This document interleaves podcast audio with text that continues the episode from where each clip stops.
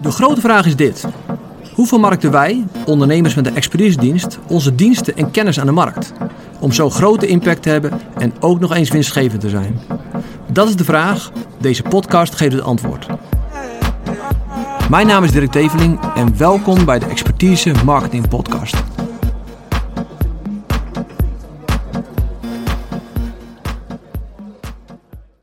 Vandaag ga ik het hebben over het, uh, het vermarkten, het verkopen van je expertisedienst door middel van integere en eerlijke salesgesprekken. En voordat we de inhoud ingaan, eerst eventjes een beetje mijn verhaal met sales. Want uh, in het verleden hield ik totaal niet van sales. Want wat ik niet wilde, waar ik een hekel aan had, is mensen iets aansmeren wat ze niet wilden of niet nodig hadden. Zometeen komen we daar nog op terug. Het verschil tussen wat mensen willen en of ze iets nodig hebben. Dus ik had altijd een beetje aversie tegen. Want ik denk, nou, ik, doe een, ik maak een offerte. Uh, en het is aan hun om te kiezen of ze het wel of niet doen. En ik zag van die salespraatjes, uh, de energiemannetjes, uh, de autoverkopers. En daar had ik echt een schurft hekel aan. Zo wilde ik niet zijn. en ik weet nog een keer dat ik op een vorige pand waar we zaten een gesprek hadden met een een sales trainer van Kenneth Smith. Uh, en Dirk, wat je nodig hebt, is een sales training. Want als jij je beter wordt in sales, dan gaat je bedrijf enorm groeien. Maar ik vroeg een beetje door, wat hield dat dan in? Hij zegt, ja, je moet leren om die andere persoon in te schatten. En dan ga je spiegelen, dan ga je precies de dingen doen die hij eigenlijk wil dat je doet. Waardoor je hem eigenlijk zover krijgt dat hij heel makkelijk met je gaat samenwerken. Nou, toen ik dat hoorde, dacht ik, uh, alles ging in de weerstand van binnen in me. Ik denk, ja, het laatste wat ik wil is manipuleren. Uh, en het leuke is, uh, ik ben daar steeds helemaal niet van. ik ben juist niet van de manipulatie en trucjes en die dingen. ik heb een heel andere manier ontwikkeld van sales. En ik noem het eigenlijk zelfs geen sales. Het is gewoon een manier om klanten te helpen om met je te gaan samenwerken. In de afgelopen jaren heb ik meer dan 500 gesprekken gedaan salesgesprekken, als je het zo kan noemen. Uh, en er zijn er meer dan, volgens mij ergens zit ik de teller op 124 of zo, zijn klant geworden daarvan. Dus ook een best een goede score. En die mensen, 95% die kwamen koud bij me binnen. Dus niet via via, maar koud. En dat betekent dus uh, online kwamen ze bij me binnen voor een gesprek. Uh, en, de, nou, de score zit in ieder geval tussen 20 en de 25% Dus dat is leuk, ben ik trots op. Dus ik heb heel veel geleerd de afgelopen jaren over sales. Uh, en ik heb totaal andere aanpak ontwikkeld en geleerd dan uh, nou, wat je veel in de markt ziet. Uh, en dat heeft alles met vertrouwen te maken. Kijk, als je een auto gaat kopen en daar staat een gelikte autoverkoper met een mooi pakje aan met mooie babbels, dan kan dat vervelend zijn of het kan niet zo erg veel vertrouwen ge geven in die persoon. Maar die auto die je gaat kopen, die kan je een proefrit maken. Je kan de onderhoudshistorie bekijken. Je kan uh, kijken of er een APK op zit, of de kilometers kloppen. Al die dingen kan je heel, heel goed checken. En als je lekker rijdt uh, en er zit geen rare gebreken aan, nou, dan heb je grote kans dat je een goede auto koopt. Je weet nooit zeker met auto's. Maar zelfs als je een, uh, een verkoper hebt die super eerlijk is, dan weet je het nog steeds niet met de auto zelf. Want je koopt de auto en niet de sales, niet de verkoper. Maar bij een expertisedienst, zoals consultancy, als training, als adviesdiensten, uh, kan je niet een proefritje maken. Dus dan is dus het vertrouwen in die persoon die jou iets verkoopt heel erg belangrijk. Eigenlijk het meest belangrijk, want je kan dus niet ervaren hoe het gaat zijn. Dus de persoon doet er veel meer om. En als je maar één centje van wantrouwen hebt in die persoon, uh, ga je niet met hem werken. Dus vertrouwen is heel erg belangrijk. En de eerste sleutel daarin is heel simpel gewoon transparant zijn, open zijn. Als je een mooie babbel hebt met mooie verhaaltjes, zullen mensen je veel minder snel vertrouwen dan als je gewoon open, transparant en eerlijk bent. Zo belangrijk. Dus openheid en transparantie, eh, wat soms kwetsbaar kan voelen, die werken in je voordeel als je een expertise dienst hebt die je wil verkopen. En dat betekent dat je eigenlijk veel meer dichter bij jezelf blijft dan bij sales technieken en manipulatie en mensen een mes op de keel zetten en drukken en al die dingen. Uh, dus eigenlijk wat je moet doen is stoppen met verkopen in je verkoopgesprekken. En dat klinkt heel raar, maar je moet niet meer gaan verkopen. Je moet niet de persoon gaan overhalen. Je hoeft geen argumenten aan te dragen om hem over te halen, zodat hij bij je gaat kopen. Want als je dat doet, zit jij in de verkoopmodus uh, en gaat je potentiële klant, je prospect, die gaat juist in de weerstand of achteruit en die denkt, nou, ik weet het niet.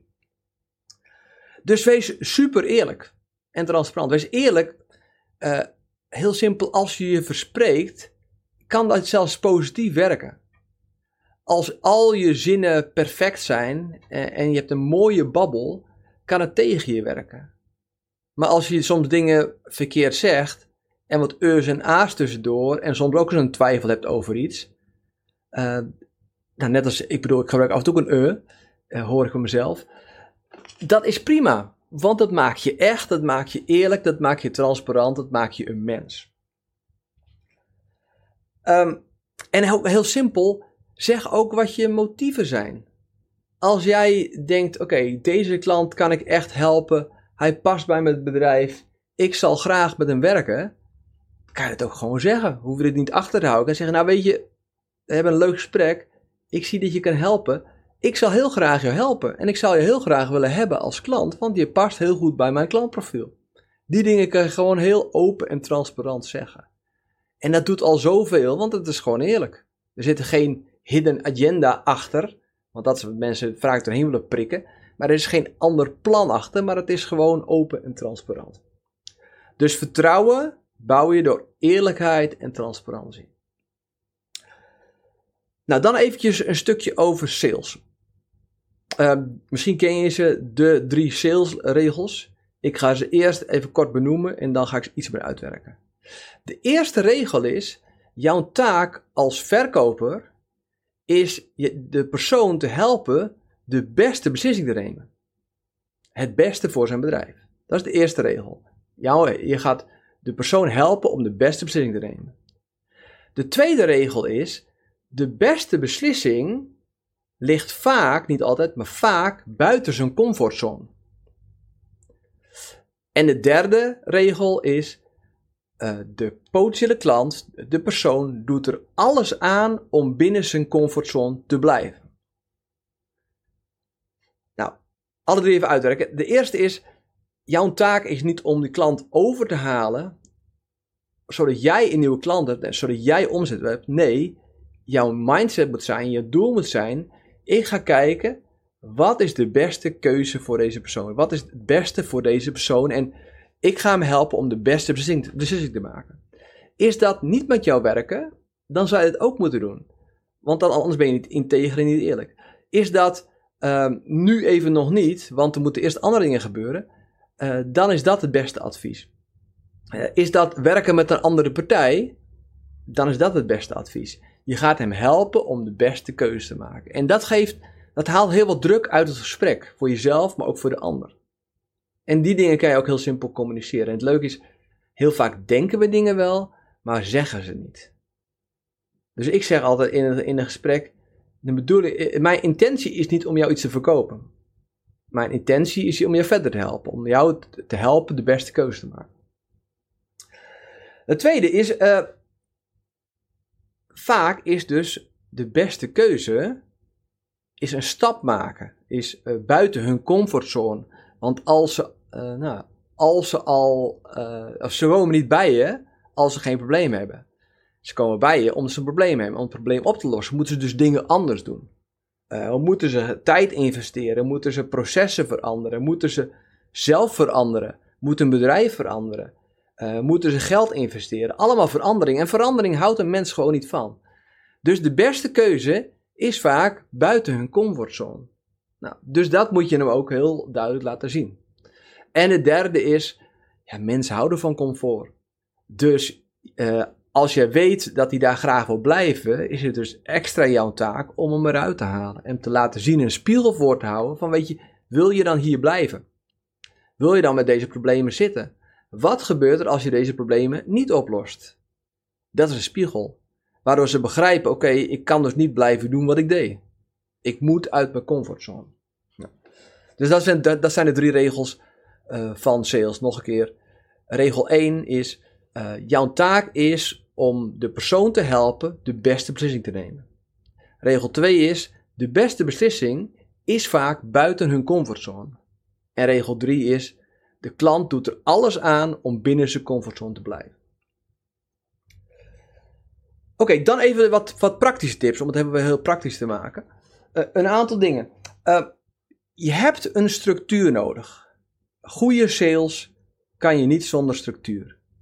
En dan heb ik het niet over een gelikt belscript, zoals een callcenter. Maar wel een structuur. Oké, ik ga eerst een analyse doen. Eerst kijken waar iemand staat. Ik wil dan kijken wat hij eigenlijk wil voor de uitkomsten. Ik ga kijken wat er ontbreekt. En op die manier heb je een structuur nodig. En je hebt ook gewoon soms dingen nodig die je moet checken. Voordat je kan bepalen of je, of je iemand kan helpen. Dus een structuur, die kan niet zonder structuur. Dus uh, heel belangrijk. Tweede is als salespersoon, als persoon die verantwoordelijk is voor de sales, niet connecten met de uitkomsten. Want als jij erin zet, ik moet vandaag scoren, want ik heb deze maand nog geen nieuwe klant en nog geen omzet, dan komt er een ongezonde druk op het gesprek te staan en bewust of onbewust zal je prospect het ervaren. Dus ga je niet connecten met de uitkomsten. Zeg tegen jezelf, weet je, uh, ik ga gewoon een gesprek in. En of het nou een klant wordt of niet, mijn doel is om hem goed te helpen. En dan zie je dat er in jouzelf, maar ook bij de klant, iets erg verandert. Als jij te eager bent, zal je potentiële klant dat proeven. En denk dan ook in, in, niet in schaarste, maar in overvloed. Als deze klant het niet wordt, er zijn er nog genoeg in Nederland. Uh, er, de, markt is groot genoeg. Uh, en de, als dit het niet wordt, dan wordt de volgende wel. Dus dat helpt ook erg om die druk eraf te halen. Uh, de derde tip die ik wil geven is: wees als een consultant. En dat klinkt misschien een beetje vreemd, maar doe een consult met je klant in plaats van een verkoopgesprek. Ga kijken, ga analyseren. Wat is het probleem? Waar komt het vandaan? Wat is de oorzaak dus van het probleem? Uh, wat zijn de symptomen van het probleem? Uh, wees als een dokter. Kijk, een dokter die een analyse doet en een scan doet en ontdekt dat iemand kanker heeft, die hoeft de behandeling, de oplossing van het probleem, hoeft hij niet te verkopen. Hij hoeft alleen te laten zien, kijk, hier is de scan, dit is de situatie, hier is een, een tumor, uh, ja, en die kunnen we verwijderen. En dan vraagt die klant zelf al, oké, maar dokter, hoe werkt dat dan? Het is helemaal geen optie om te zeggen, nou, nou nee, dat, dat, ik ga wel even kijken, ik kijk het wel even aan het komende jaar of het nog groeit en zo. Nee, want als je een eerlijke, goede scan doet, een consult doet, een diagnose, dan zal je potentiële klant weten, oh, nou ja, ik moet hier wat doen. Als ik hier niks aan doe, uh, loopt het zo met me af. Dus als je op die manier in zit, dan vraagt de klant zelf, oké, maar hoe zal het er dan uitzien? Om nou, dit op te lossen. De vierde tip is vraag, vraag, vraag en vraag. Je moet zorgen dat je zelf maximaal 10, 15% aan het woord bent in gesprek. En de rest moet je dus als die dokter, moet je vragen, moet je analyseren, moet je doorvragen. Dan moet je heel simpel, wat doe je ermee? En hoe komt dat dan? Uh, en als je vraagt, krijg je zoveel. Je kan zoveel vragen. Ook de meeste nou, dingen die je in eerste instantie niet willen uh, willen beantwoorden, kan je vragen aan het einde van het gesprek. En je moet niet meteen uh, uh, op, op, op de eerste minuut allemaal diepe vragen stellen, maar na een, na een half uurtje kan je heel veel diepe vragen stellen. En mensen beantwoorden, graag, mensen beantwoorden vragen heel graag. De laatste tip die ik heb is laat oma thuis. En oma is een acroniem voor OMA. En dat is oordelen, meningen en aannames.